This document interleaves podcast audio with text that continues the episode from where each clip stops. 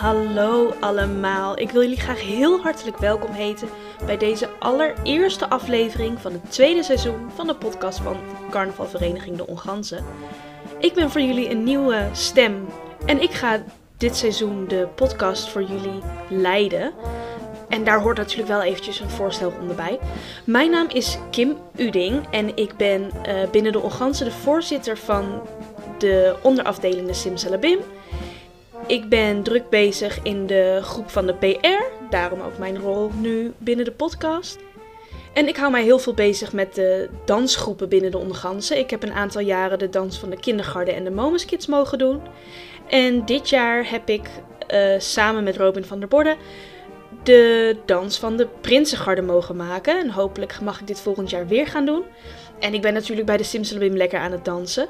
Buiten de carnaval om ben ik werkzaam als virtueel assistent. Dus deze podcast is helemaal op mijn lijf geschreven. Ik ben ook mama. Mijn zoontje heet Tobias en hij wordt bijna twee. En het is een echte danser op dit moment. Dus hopelijk vindt hij ooit zijn plekje binnen de kindergarten.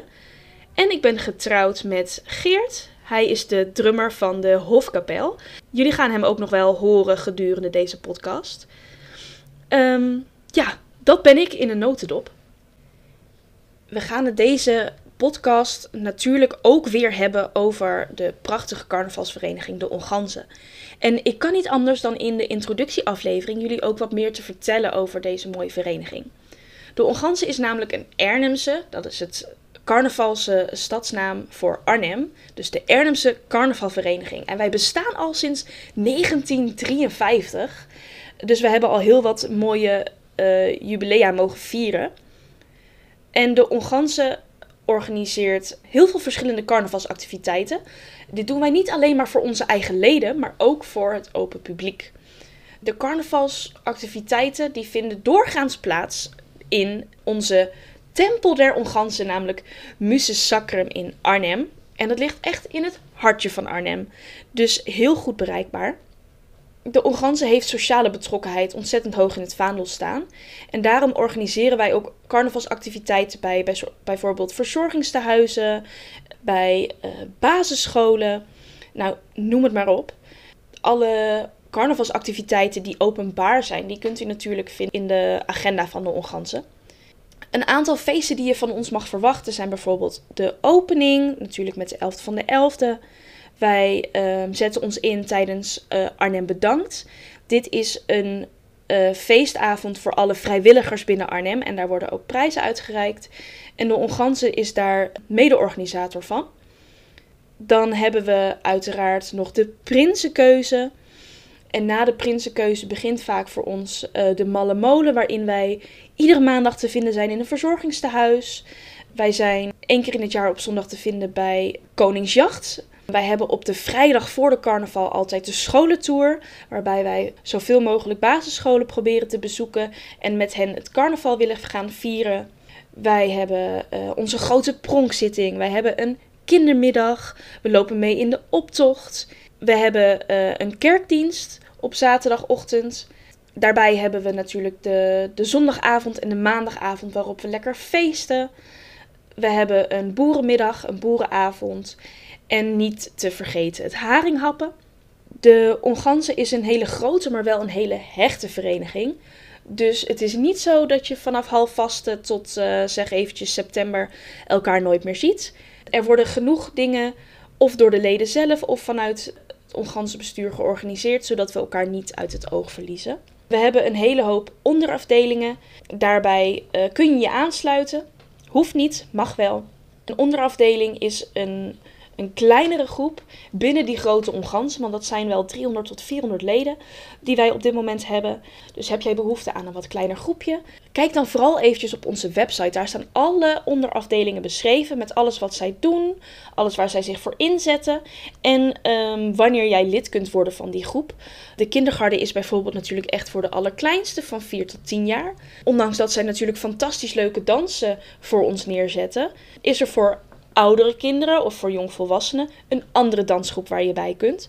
Er zijn ook groepen die geen optredens verzorgen, dus er is echt voor ieders wat wils.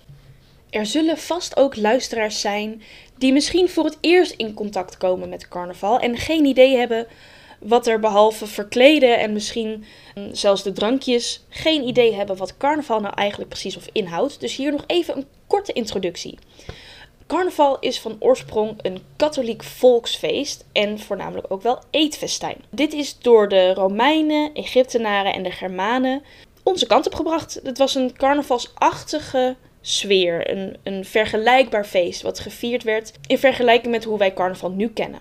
Het feest ging vooraf aan de vaste tijd, dat is 40 dagen tot Pasen.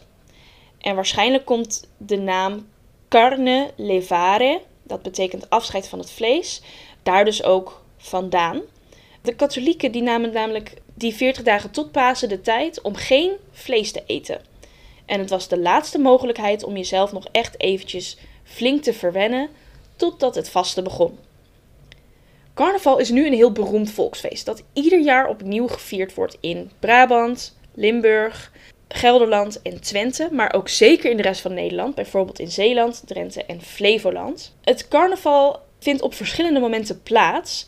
Dat is soms een beetje verwarrend, maar er zit een, er zit een logica achter, namelijk Pasen. Altijd 40 dagen voor Pasen. En het start officieel op de 11e van de 11e, dus dat is al in november. Er gaat nog een hele hoop vooraf aan die vijf grote dagen voorafgaand aan uh, het vaste moment voor de katholieken. Op de 11e van de 11e komen de carnavalsvierders en verenigingen voor het eerst weer bij elkaar. En afhangende van welk carnavalsfeest je viert, wordt het weekend daarop meteen een nieuwe prins bekendgemaakt. Of dit gebeurt in uh, ongeveer januari. Carnaval is dus altijd de zevende zondag voor Pasen. En daar worden de dagen omheen gepland. Binnen de Ongansen betekent dit dus vaak dat wij op vrijdag onze pronkzitting hebben. Op zaterdag vieren we feest. Op zondag, dus dat is de grote zevende zondag voor Pasen, dat is onze grootste feestavond. Op maandag vieren we uiteraard weer feest. En op dinsdag hebben wij ons boerenbal. Maar dan is het nu tijd om eventjes iets meer over mij te vertellen. En dan voornamelijk over mijzelf binnen de Ongansen. En dan wil ik graag beginnen met hoe ik bij de Ongansen ben gekomen. Hoe ben ik daar lid geworden? En ja, ik vind het zelf natuurlijk een heel leuk verhaal om met jullie te delen, anders had ik dat niet gedaan. De oom van mijn vader en, en de tante van mijn vader en zijn neefjes, die zijn al heel lang lid van de Onganzen. Dat gaat namelijk over de, het gezin Slingerland. En wij gingen eigenlijk iedere keer op carnavalszondag naar hun kijken met de optocht. En meer had ik nog niet echt met de Onganzen. Tot er één carnavalseizoen was waarbij ik alleen met mijn vader bij de optocht stond te kijken. En we waren allebei zo enthousiast dat mijn vader zei: Kom, we gaan vanavond ook uh, carnaval vieren bij de Onganzen. En mijn vader was dusdanig enthousiast. Hij koopt niet gewoon kaartjes voor die carnavalszondag. Nee, hij koopt meteen een lidmaatschap voor de Onganzen. Dus samen met mijn vader heb ik mijn aller allereerste carnaval ooit gevierd. Bij de Onganzen en gelijk die grote zondagavond. En daar was ik helemaal onder de indruk. Ik kan me nog heel goed herinneren dat Joep, een van de neefjes van mijn vader, aan het rappen was op het podium als uh, optreden vanuit de Edelgarde.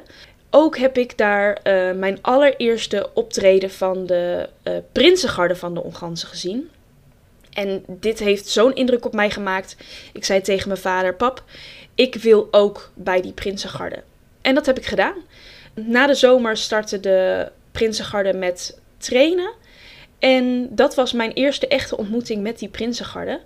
En daar heb ik het een aantal jaar volgehouden om te dansen daar. Na de Prinsengarde ben ik doorgestroomd naar de Simsalabim. Dit is mijn laatste jaar bij de Simsalabim. In de volgende afleveringen staan er een aantal dingen op jullie te wachten. Het is een serie van 14 afleveringen en dit is natuurlijk de introductieaflevering, dus er zijn er hierna nog 13 die zullen gaan volgen. Het zijn allemaal afleveringen van 11 minuten per stuk. Lekker carnavalesk, houden we lekker zo. En lekker kort om lekker snel weg te luisteren. Heerlijk nu horen jullie mij in mijn eentje. En ik zit ook in mijn eentje uh, op te nemen op dit moment. Dat is natuurlijk hartstikke leuk en hartstikke gezellig. Maar het is nog veel leuker om straks met allemaal onganzenleden te mogen gaan opnemen. Dit doe ik bij de mensen thuis, maar dat zal ik voornamelijk op de Ganzenburg gaan doen. Dus daar gaan we ook een hoop van zien en ook een hoop over vertellen. In iedere aflevering staat deze keer een vraag centraal. In het eerste seizoen van de podcast van de Onganzen ehm, waren mijn voorgangers vaak een, uh, een individu of een tweetal aan het interviewen. En voor, deze, uh, of voor dit seizoen hebben we gekozen om het anders aan te pakken.